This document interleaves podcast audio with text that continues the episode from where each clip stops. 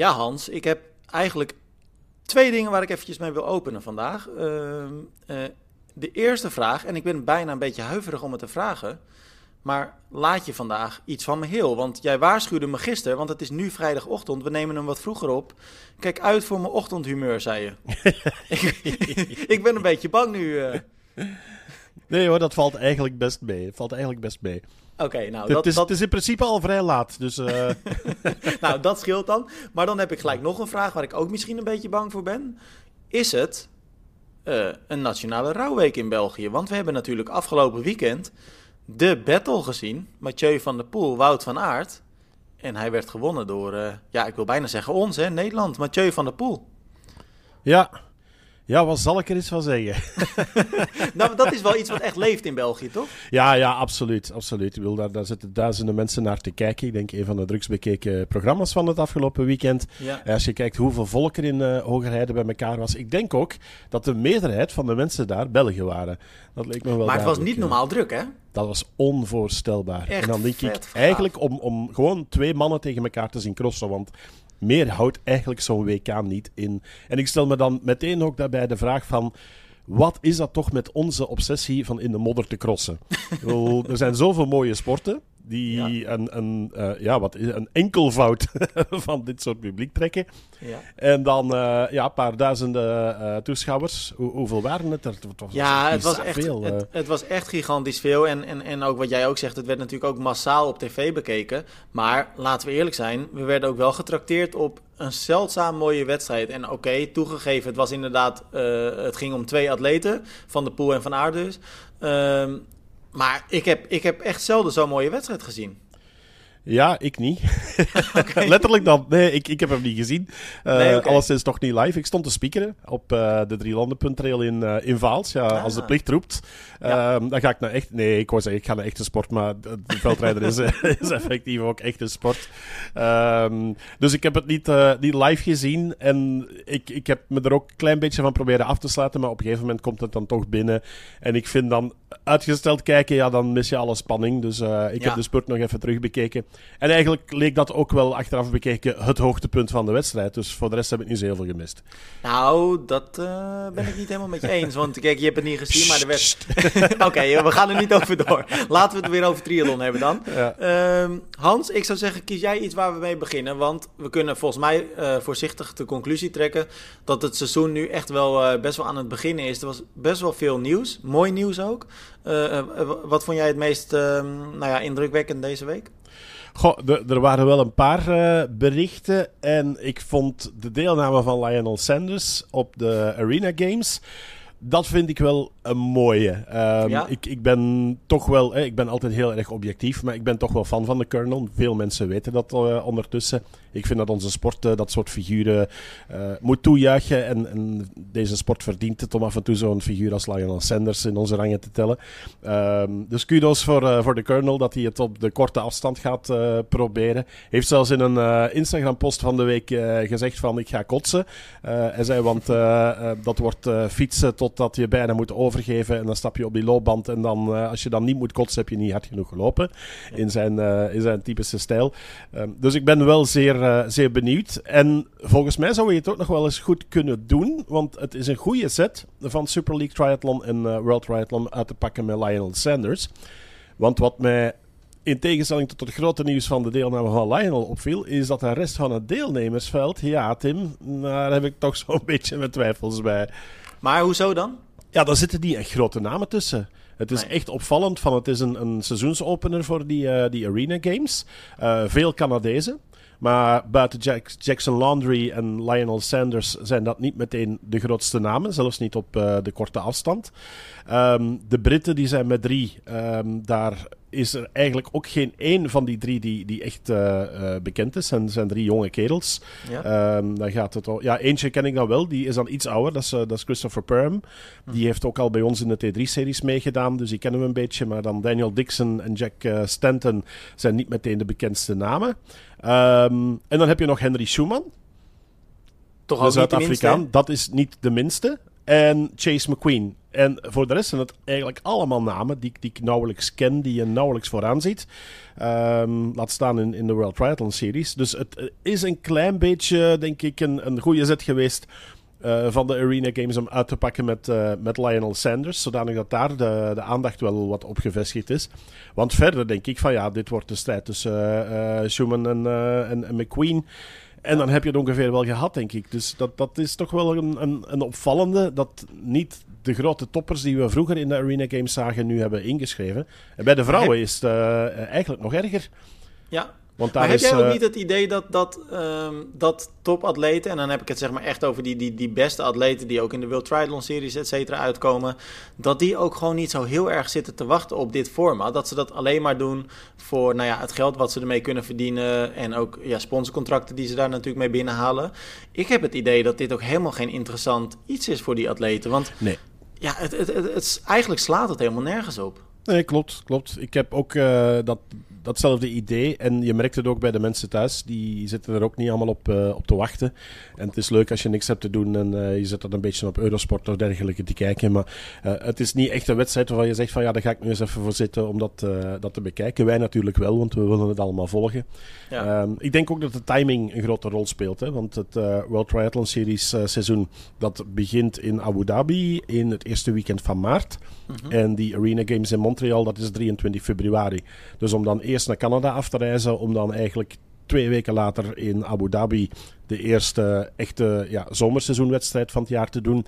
Ik denk dat dat voor veel atleten ook wel een probleem is. Ja. Um, dus ik stelde mij meteen ook wel vragen van de timing van die, die Arena Games.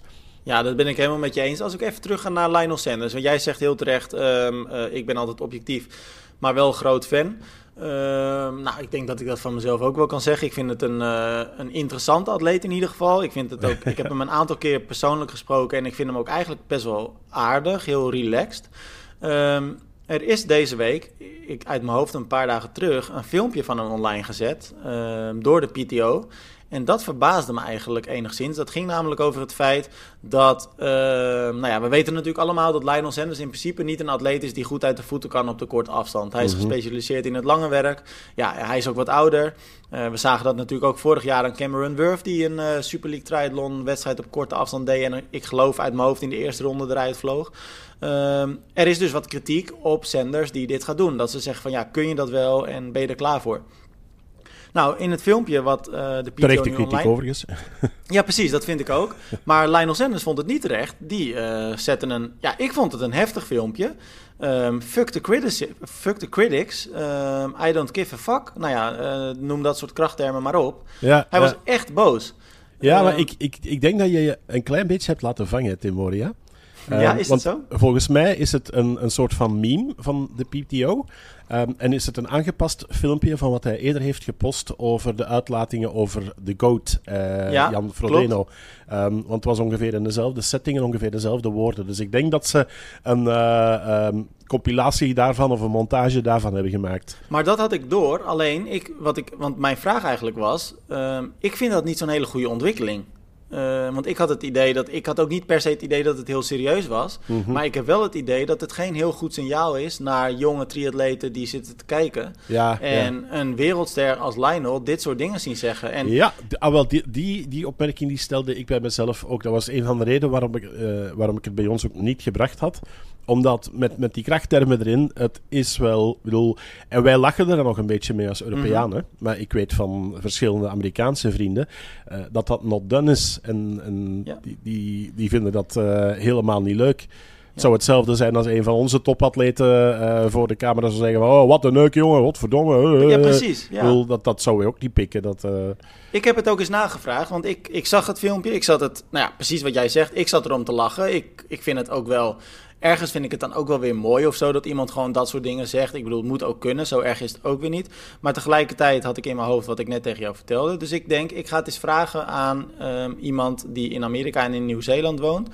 Uh, van wat, is dit nou normaal dat je dit soort termen gebruikt? Hoe kijken jullie daarnaar hè, binnen jullie cultuur, zeg maar? En die zei ook, ja, het gebruik van het woord fuck is op zich niet zo heel erg. Je kunt bijvoorbeeld makkelijk zeggen, it's fucking hot of zo, bijvoorbeeld. Maar in deze context vonden ze het inderdaad totaal not done.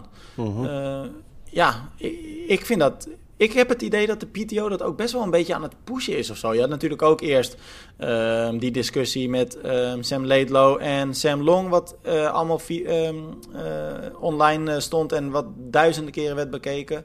Het wordt allemaal wel heel erg smeuig gemaakt de laatste tijd. Ja, klopt, klopt. Die, die indruk krijg ik ook wel. Um, want er was nog zo'n meme, ik weet niet meer de welke dat het, uh, dat het was, uh, die eerder deze week ook is verschenen vanuit de PTO. Dus ik heb de indruk dat daar een of andere, waarschijnlijk uh, heel erg jonge social marketing kracht ja. zit. Die denkt van, laten we eens proberen van met wat materiaal viraal te gaan. Um, ja, goed dat ze op die manier wat publiciteit willen pakken. Maar voor de serieuze sportliefhebbers, ja, ik weet het niet. Inderdaad, het is ook wel, daar moeten ze toch een beetje mee opletten. Want ze zijn ook wel een officieel officieel orgaan. Dus, uh... Ja. Nou, ik heb wel de plooien glad gestreken vorige week hoor, met de PTO. Ja, ja. Ja, ja. dat is toch gelukt hoor. Ja, jij, mag, jij mag toch weer naar... Uh... ik hoop dat ik naar Marrakesh mag. Ze hebben het nog steeds niet aangekondigd. En uh, afgelopen woensdag weer geen aankondiging hè. -huh. Dus het, het gaat daar niet zo goed, heb ik het idee nog steeds. Ja, ja, ja. Nou ja. la, la, laten we maar oppassen met wat we daarover zeggen. Dan komen we meteen bij een ander onderwerp. Want uh, als je tegenwoordig in een podcast wat kritisch durft te zijn, Oeh. dan kan dat tot een levenslange ban leiden uh, tegenwoordig. Nou, wat vind je daarvan, Hans? We hebben vorige week natuurlijk besproken. Jack Kelly van de How They Train podcast, die ehm, de Ironman CEO Andrew Messick te gast had. Dat gesprek liep een beetje uit de bocht. Mocht je dat niet helemaal mee hebben gekregen, luister even onze podcast van vorige week terug. Daarin hebben we het er uitgebreid over. Maar het gevolg is inderdaad, nu een week later, dat uh, Jack Kelly geband is door Ironman. Ik heb hem gesproken ook. En uh, ja, hij was op zijn zachtst gezegd zeer verbaasd daarover. Ja, ja, daar kan ik me iets bij voorstellen. Het is toch um, niet normaal? Ik, ik, schrik er ook niet zo heel erg van, want ik denk wel dat dat het gevolg kan, uh, kan zijn. Uh, maar ja, dat, dat, lijkt me dan toch wel weer ook naar persvrijheid en dergelijke kleine brug te ver. Dus het is een uh, ja, het is lastige materie. Ik, ik denk dan ook soms van, ja, moeten wij ons daar wel over uitspreken? Want stel dat ze meeluisteren. Ja, nou, ik heb zoiets, als je daar een ban voor krijgt, Hans, dan ben ik ook liever niet bij die wedstrijden, toch? Ja, ja, ja daar heb je ook wel een punt. Dat is, uh, ik vind het ja. wel heel bizar, hoor. En ja. uh, wat wel interessant is... Jack Kelly, ja, weet je wat ik een hele interessante vind? Ik ben benieuwd wat jij daarvan vindt. Jack Kelly, die, uh, nou, die kreeg dus vorige week, of ja, deze week dus te horen dat hij niet meer welkom is bij Ironman. Hij zegt ook dat het hem achter de schermen heel moeilijk wordt gemaakt door Ironman om nu zijn werk te doen. Nou, ik kan me dat voorstellen als Ironman druk op je uitoefent. Wat hij nu gaat doen, en uh, wij nemen deze podcast op vrijdagochtend op. En hij is echt net online gekomen. Dus als wij zo direct deze podcast beëindigen, dan ga ik hem eventjes luisteren. Hij heeft net een nieuwe podcast online gezet. Die zet hij alleen online voor zijn uh, Patreons. Dus voor de betalende leden. En daarin gaat hij eigenlijk, ja, om het maar even zo te zeggen, de vuile, was buiten hangen. en hij gaat eigenlijk precies vertellen welke communicatie er na de podcast is geweest met Ironman. Dus hij gaat ook de mails voorlezen. Uh, ja, ik vind dat ook niet helemaal chic of zo. Nee, nee, ik... ik, ik... Goh, weet je, je voelt aan alles dat, dat dit soort acties... Uh, en dan bedoel ik dus de, de vorige podcast uh, in How They Train met het uh, bezoek van de CEO van Ironman. Um, dat, dat heeft wel gevolgen. Ik bedoel, daar wordt achteraf zeker nog over gepraat. Ook omdat hij dat op een bepaalde manier heeft gepositioneerd in, in de media en, en online. Dus dat daar een reactie op komt van Ironman, dat, dat kon je wel, wel verwachten. Maar om dan ook nog eens een podcastaflevering te gaan maken met uh, uh, hoe die communicatie verlopen is en, en uh, in principe over de band, dan denk ik van ja, dan, dan wordt het aan twee kanten wel een beetje uitgebuit. Dus het, het, ik vind het op dit moment een beetje een vreemde situatie die, die weinig goeds gaat doen aan beide kanten, vrees ik. Ja, nee, dat ben ik helemaal met je, helemaal met je eens. Dus laten we dan naar een, wat mij betreft, positieve onderwerp. En ehm, jij wilde net graag aftrappen met Lionel Sanders.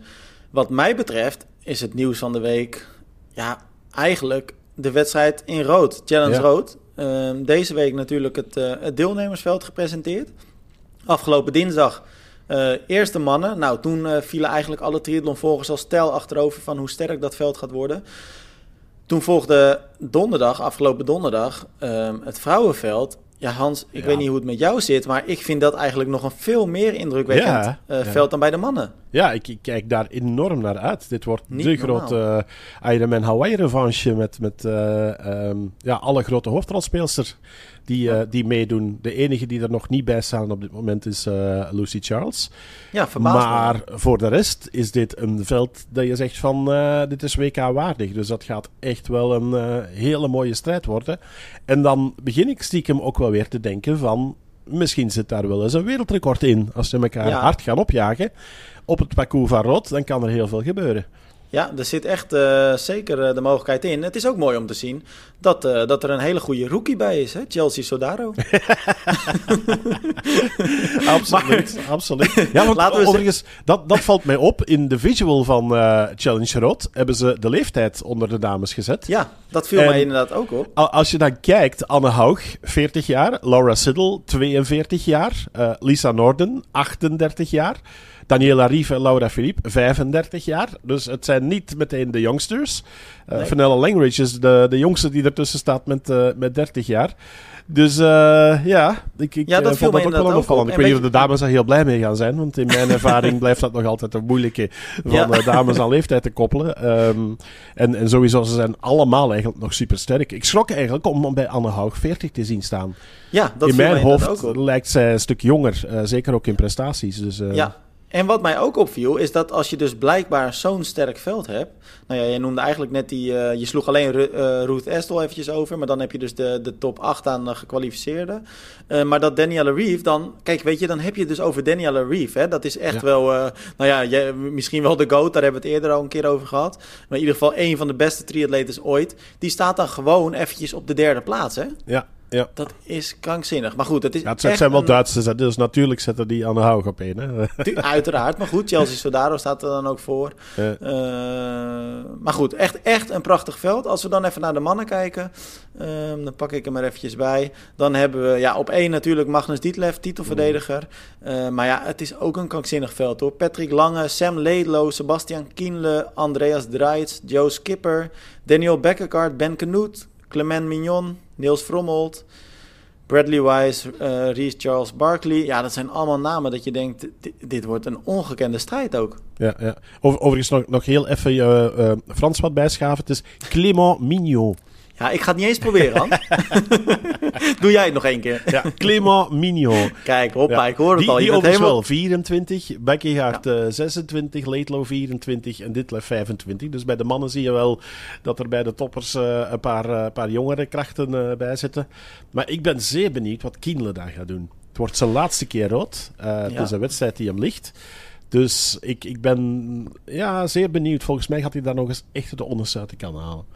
Ja, maar ik denk ook tegelijkertijd, ik ben het helemaal met je eens. Ik denk dat hij zichzelf helemaal uh, het snot voor de ogen gaat, uh, gaat racen. Maar ik denk wel dat hij gewoon tekort komt nu. Aan de andere kant, dat dacht ik op Kona ook. Ja, en toen was hij ja. ook ineens sterk. Ja, daarom. Dan werd hij toch met knap zesde. Precies. Onder de acht uur. Dus... Uh, ja.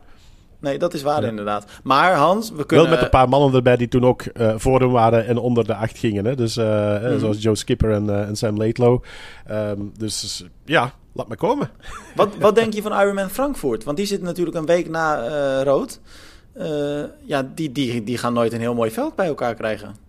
Nee, daar vrees ik ook voor. Langs de andere kant zal die ook wel, denk ik, uitpakken met wat, uh, wat sterke namen. Uh, misschien dat die Frodo te pakken krijgen of zoiets, weet ik veel. Um, want die staat hier natuurlijk nog niet, uh, nog niet tussen.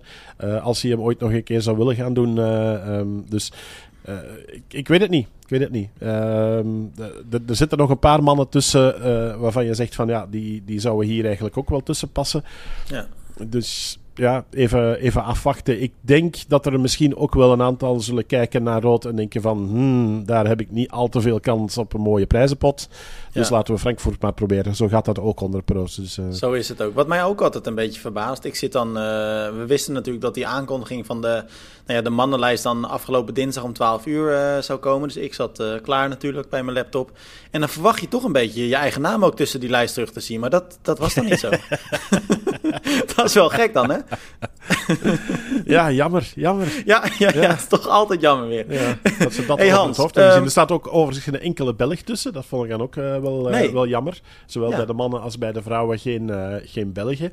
jullie wel met Erik Simon Strijk een Nederlandse pro aan de start, heb ik gezien. Ja, en bij, en bij de vrouwen hebben we dan Janine Lubbe ook nog aan de start. Ja, ja. dus wat dat betreft, ja kijk, dat zijn natuurlijk geen atleten die binnen de top 10 gaan finishen. Maar dat zijn tegelijkertijd wel atleten die natuurlijk... kijk, van Erik Simon Strijk weet ik dat hij hoopt toch nog een keer onder de, onder de acht uur te gaan duiken. dus het zijn natuurlijk wel atleten die we, die we in de gaten gaan houden. En die zeker in staat zijn tot, tot hele mooie prestaties. Janine Lubbe, natuurlijk Nederlands kampioen geworden in Almere afgelopen jaar.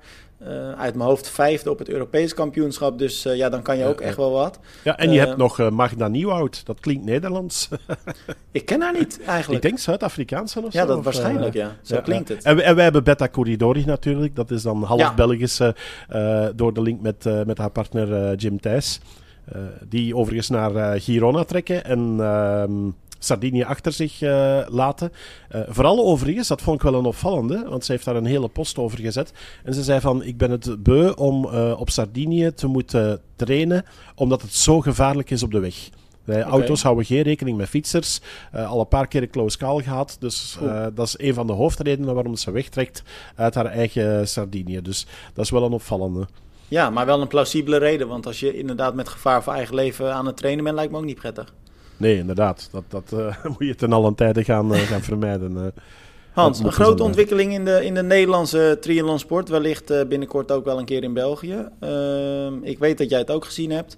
Ehm, amateurs worden in de mogelijkheid gesteld voor prijzengeld te gaan racen. Ja. Ehm, dat gaat gebeuren bij DTS, de Triathlon Series. dat is een wedstrijd in, of een van hun wedstrijden is in Zandvoort. Super toffe race op het Formule 1 circuit. Dus dat is natuurlijk sowieso wel gaaf. Uh, maar daar komt een zogenaamde, uh, ja, dat wordt dan genoemd de Cash Prize Pot Race. Dat is 160 deelnemers, 80 mannen, 80 vrouwen. Maximaal, dat is de limiet. Uh, alle deelnemers, alleen amateurs, dus je mag geen prof zijn, ook geen prof geweest zijn. Eh, betalen een, eh, ik geloof uit mijn hoofd, 25 euro extra. Ehm, dat geld gaat inclusief een extra bijdrage van de organisatie in een pot. Dus hoe meer deelnemers, hoe hoger de pot. En uiteindelijk um, levert dat dus een, uh, een prijzenpot op. Stel dat er 80 uh, um, inschrijvingen zijn, dus dat de mannenrace bijvoorbeeld vol zit, dan krijgt de winnaar 2100 euro, de nummer 2 1320 euro, de nummer 3 780 euro. En dan krijgen de snelste zwemmer, fietser en loper allemaal ook nog 600 euro. Um, wat, wat vind jij ervan? Tof of vind je het een gekke ontwikkeling?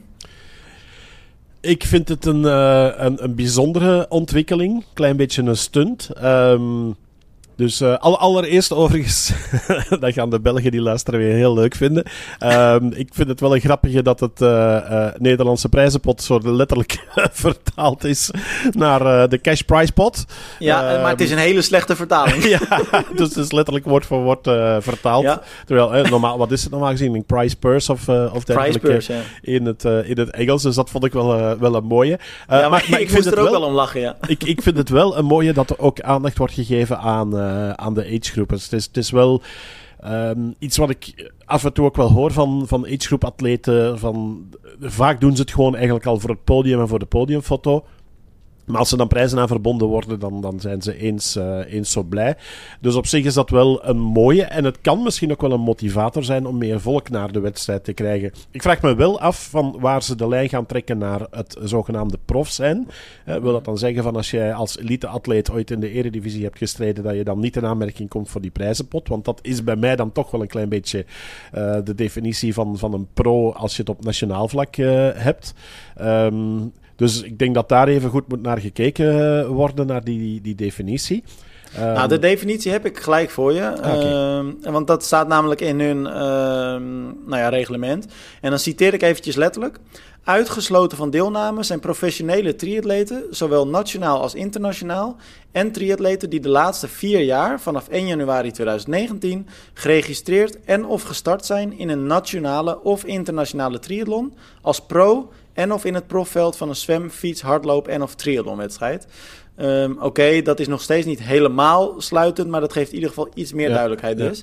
Ja. Um, maar kijk, ik vind het best wel een toffe ontwikkeling dat dit er komt. Ik kan me ja. voorstellen dat dit ook inderdaad een stimulans is voor uh, heel veel mensen om dan zo'n wedstrijd mee te pakken. Tegelijkertijd, waar ik een beetje bang voor ben, is, nou precies wat jij zegt, wie gaat uiteindelijk dan bepalen of iemand dan mee mag doen of niet. Oké, okay, dat is tuurlijk, dat is de organisatie, maar ik kan me voorstellen dat dat wat gedoe kan opleveren. En daarnaast, waar ik eigenlijk nog wat banger voor ben, is dat uh, dit Strijdlon Series een wilde wedstrijd is. Geen support van de bond, ja. dus er is geen jury. Wat gaat er gebeuren als er straks Ja. vals gespeeld wordt of dat er een fout wordt gemaakt door een atleet en dat Ja. dat... Kijk, als jij ineens 2100 euro mist daardoor, dan ga je natuurlijk hele gekke verhaal, situaties krijgen. Ja. Ja, daar heb je wel een, een heel belangrijk punt aangehaald. En geen dopingcontroles ook, dat is, is ook nog iets. Oeh, ja, ja. Dus Ja. dat, dat, dat- daar ben ik een beetje bang voor, wat dat Mhm. gaat betekenen.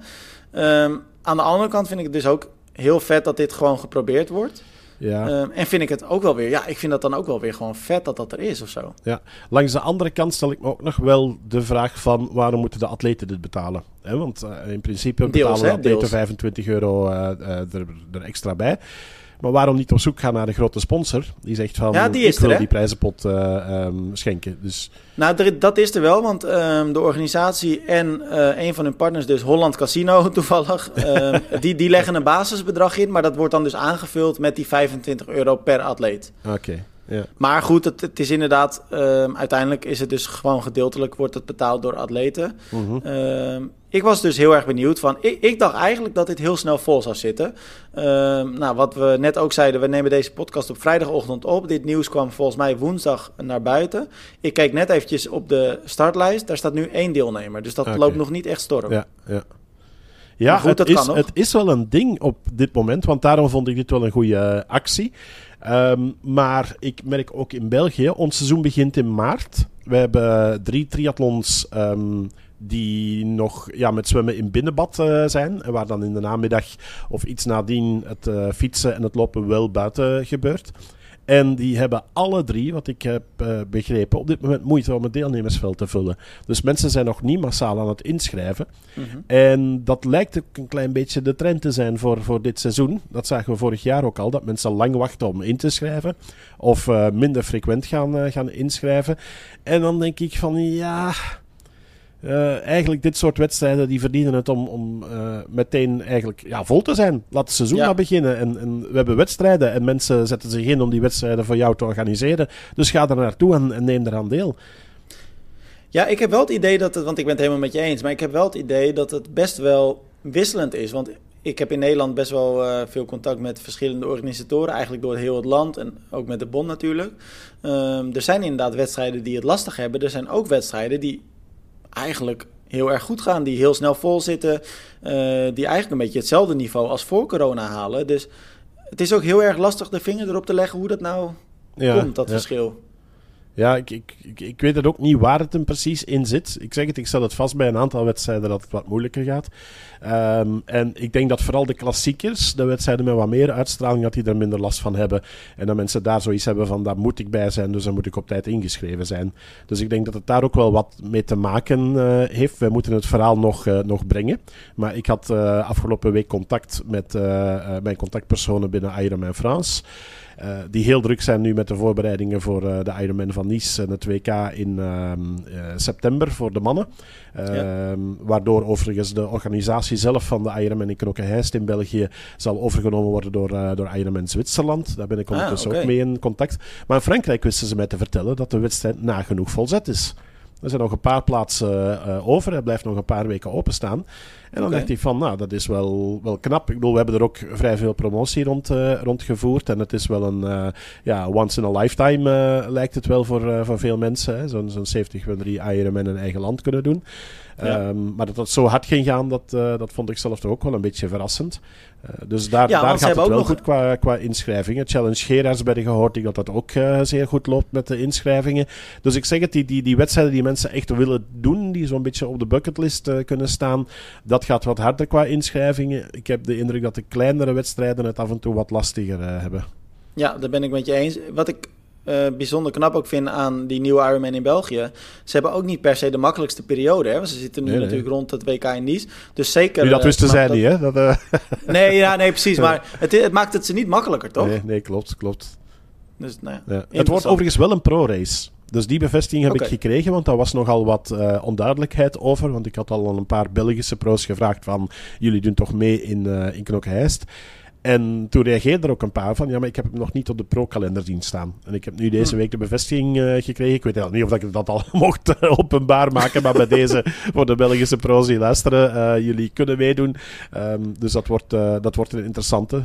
zou nou, drie slots, geloof ik, zijn voor um, het, het, WK in Lahti dan in 2024. Dus, maar dan hebben we straks dus niet alleen de PTO, maar ook Ironman nu tegen de gestreken. nou ja, dan hebben we eigenlijk een primeur met nog wat extra reclame voor hun wedstrijd. Dus, uh, Kijk, dat is ook, uh, dat is al, ook Als ze ons dreigen in de band te gooien, dan kunnen we daar nog altijd naar refereren. Laten we eerlijk zijn, Hans. Uh, Zo'n wedstrijd verdient ook gewoon een pro-race, toch? Ja, ja, dat vind ik ook. Dat vind ik ook. ik ben ook niet zo'n grote liefhebber van de age group only races. We hadden er vorige week zo eentje. Hè. Daar hadden we een Nederlander op uh, twee, Brian Van Rutte, in uh, de ja. 70.3 Ironman in Oman. En dan Lisbeth Leijzen, onze age group topper, die al verschillende Ironman titels in haar age group uh, op haar naam heeft staan. Die werd daar ook tweede. Heel knap gedaan van, van Lisbeth. ze is ploeggenote bij Domo Scott van Pieter Hemerijk.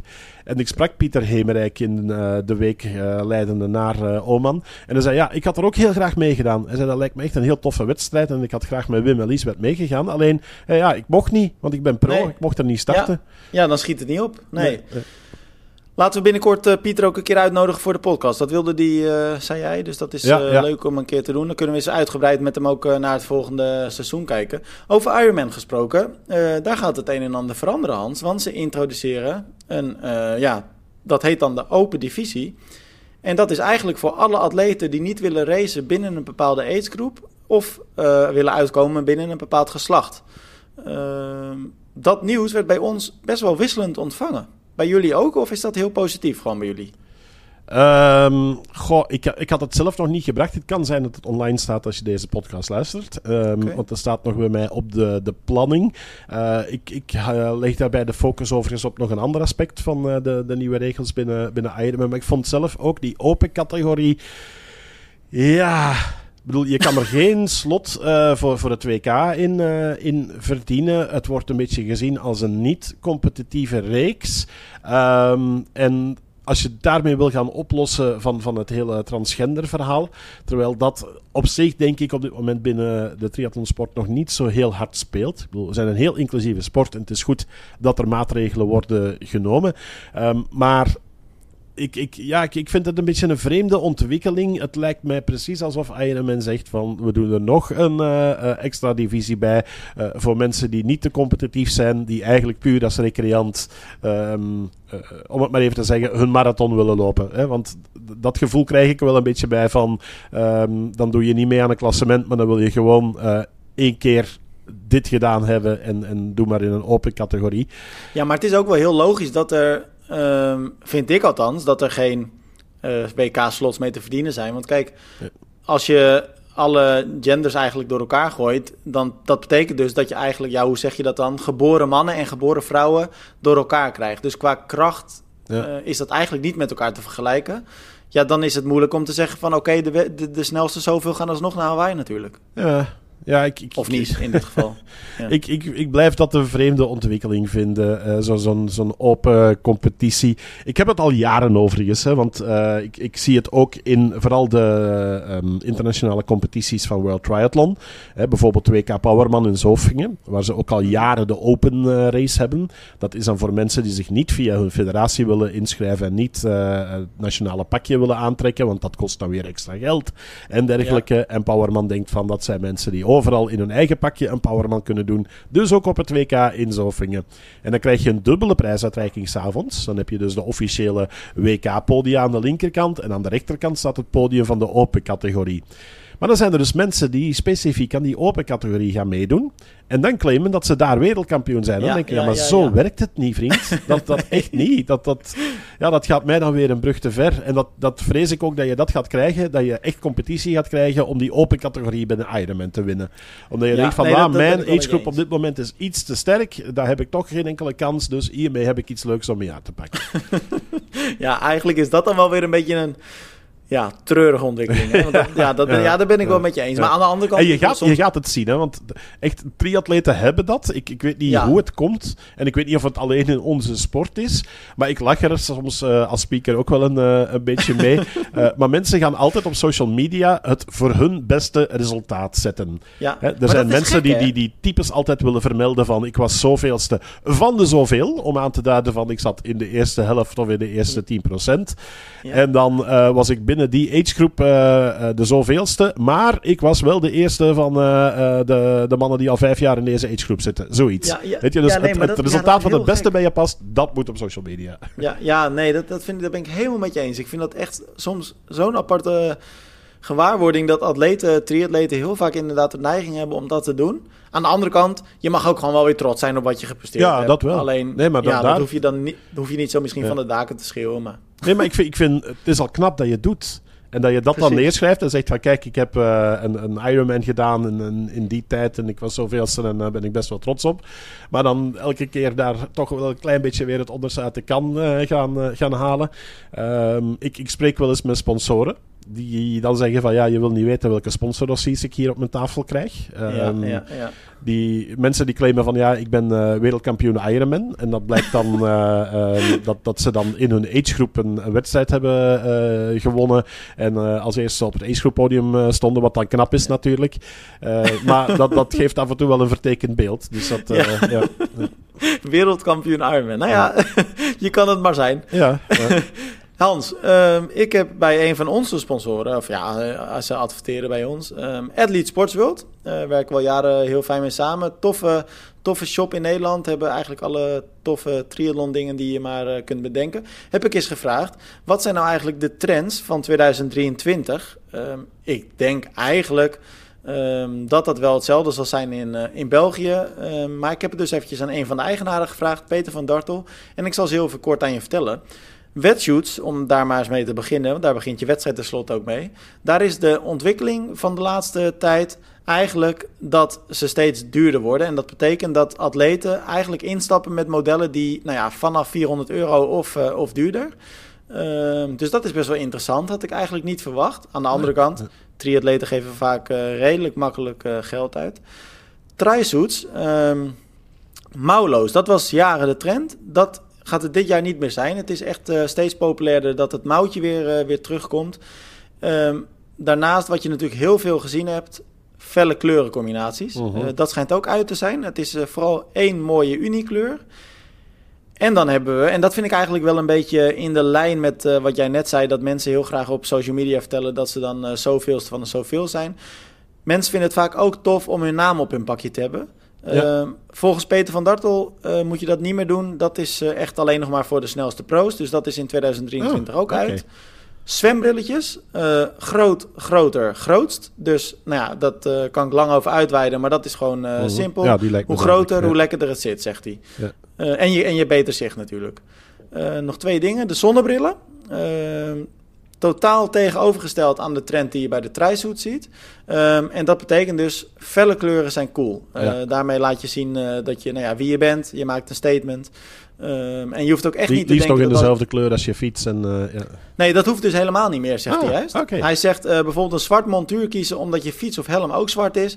Echt niet oké in 2023. Dus Ja. varieer er lekker mee. Alright.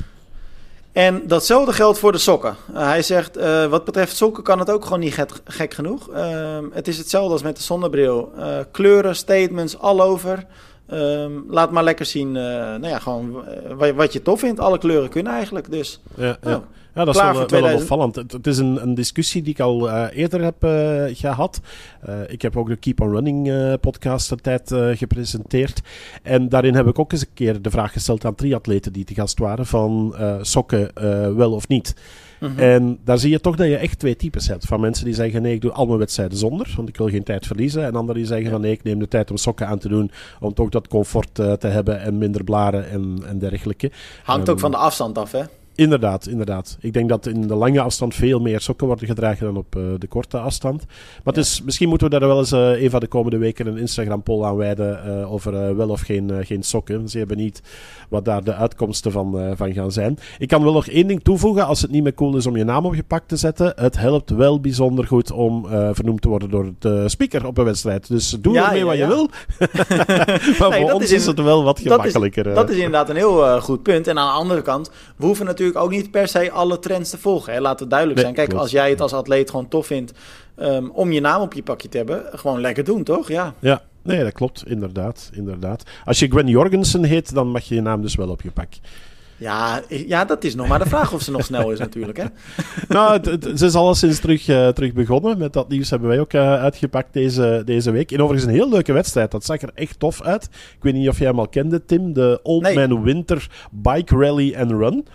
Nee, ik kende hem niet. Jij wel? Uh, nee, tot hiertoe ook niet. Maar ik heb dat de beelden ervan bekeken, ook van die start. Dat duurt gewoon echt minutenlang. Het zijn echt vele honderden deelnemers. Want hoe gaat dat dan? Het hartje van de winter in Colorado. Je ziet nog de, de, de, sneeuw daar op de bergtoppen liggen en nog wat ijs ook op, uh, op de piste, zeg maar.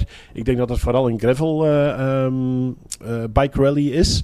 En daar deed Gwen Jorgensen mee. En ze zetten in een Instagram-post ook van, ja, ik ben triatlete, dus ben ik nadien nog gaan lopen. En vooral op dat laatste is heel veel reactie gekomen van mensen die zeiden van, hey, je bent eindelijk aan het zeggen dat je weer triatlete bent. Dus dat is wel, uh, wel een mooie natuurlijk. Ik uh, ben heel erg benieuwd wat zij uh, gaat presteren de komende twee jaar. Ja, ja, ze moet overigens van ja, de grond af terug gaan beginnen. Dus ze gaat haar mhm. seizoen beginnen in Nieuw-Zeeland. Um, waar ze gaat meedoen aan uh, een, een, Oceania Cup en dan een World Cup uh, in New Plymouth, uh, geloof ik. maar ze moet dus eigenlijk vanaf de basis terug beginnen. Dus ze krijgt geen startrecht in, in Abu Dhabi. Okay. Omdat ze natuurlijk geen, geen ranking heeft op dit moment. Ze ligt er al jaren uit.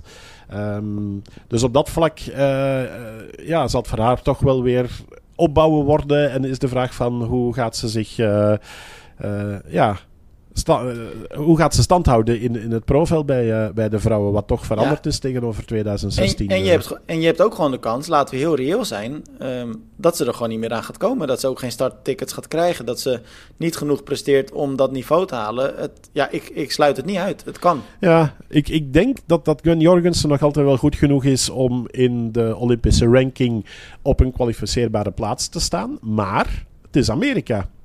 Precies, en daar heb je trials. En daar hangt dus alles van één wedstrijd af.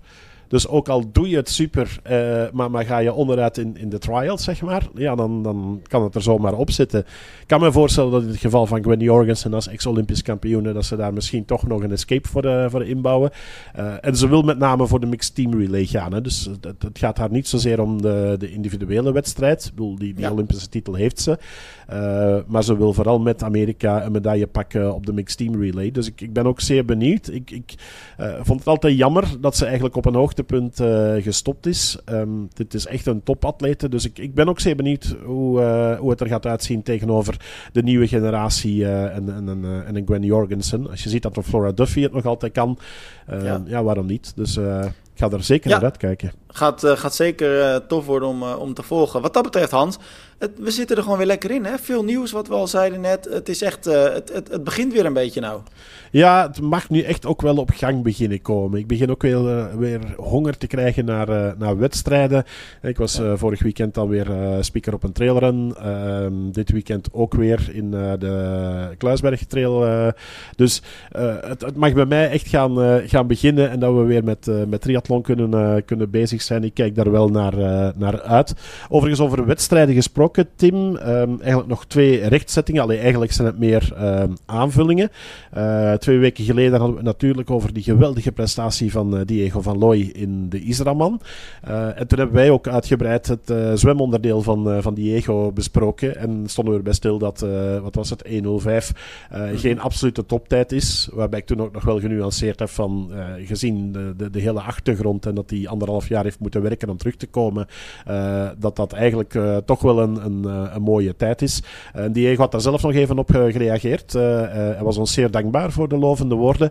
En hij gaf ook aan, hij zei ja, dat klopt wel. Dat zwemmen, ehm, dat, dat zou in principe beter moeten kunnen. Hij zei, maar daar heeft hij vooral nog veel last van blokkages in, in de nek.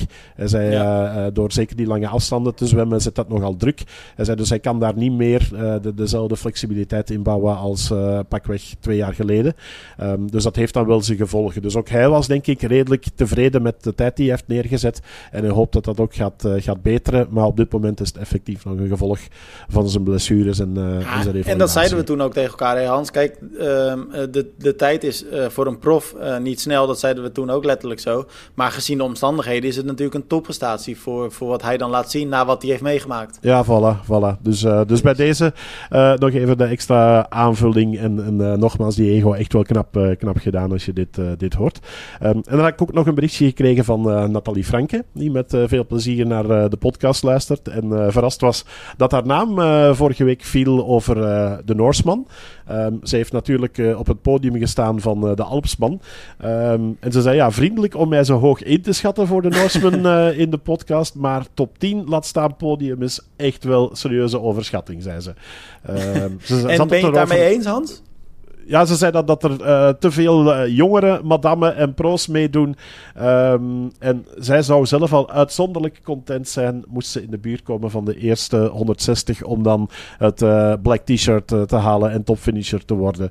Um, ze zei, it is going to be a hard one, sowieso. Dus het, het zal ja, lastig worden. en in principe heeft ze wel gelijk. Ik bedoel, uitdoen en dat zwarte t-shirt halen, laat dat de eerste um, prestatie zijn. En al wat daarbij komt is meegenomen. Maar ik denk dat ze zichzelf ook een klein beetje onderschat. En misschien is het podium wel wat te hoog gegrepen. Maar goed, we mogen toch wel een klein beetje wat sensatie en spanning erin brengen. Precies. En we, en we hopen natuurlijk altijd dat atleten gewoon het beste uit zichzelf halen. En, en dat zal ze ongetwijfeld doen. Leuk ook dat ze, dat ze dan luistert. En, uh, en dat, uh, nou ja, dat ze daar een beetje verbaasd van is dat ze in de, in de podcast zit. Ik bedoel, als je zo goed bent, mag dat best, toch? Ja, absoluut. absoluut. Dus bij deze Nathalie Franke, heel veel succes in de Noordsman. Ja, zeker. Ook vanuit uh, Nederland natuurlijk. Nou Hans, wat mij betreft, ik denk dat we er zijn hè, voor deze week weer. Het was een, uh, een volle show. Ja, ja, we hadden eigenlijk weer veel te bespreken. Af en toe dan uh, denk ik, als ik ochtends opsta, van wat gaan we vandaag weer eens over schrijven. En uh, bij ons redelijk drukke week geweest, dus er is af en toe wat minder verschenen. maar goed, we hebben eigenlijk toch wel weer materiaal genoeg om, om het weekend ja, ja. weer door te komen. Dus, wat dat betreft is er inderdaad altijd genoeg. Sam Long ook nog vader geworden trouwens, zag ik net ja. op Instagram voorbij komen. Dus dat is ook nog leuk nieuws. Maar, ehm, en nou ja, dit weekend, laatste rustige weekendje. Is er in België nog iets? Want volgende week gaat het natuurlijk echt weer los met de internationale wedstrijden. Challenge Wanaka onder andere. Um, is er dit weekend bij jullie nog wat? Bij ons niks eigenlijk. Uh, bij ons ook niks wat triathlon betreft. Tenzij de crosscup, het vetlopen met Pieter Hemerijk.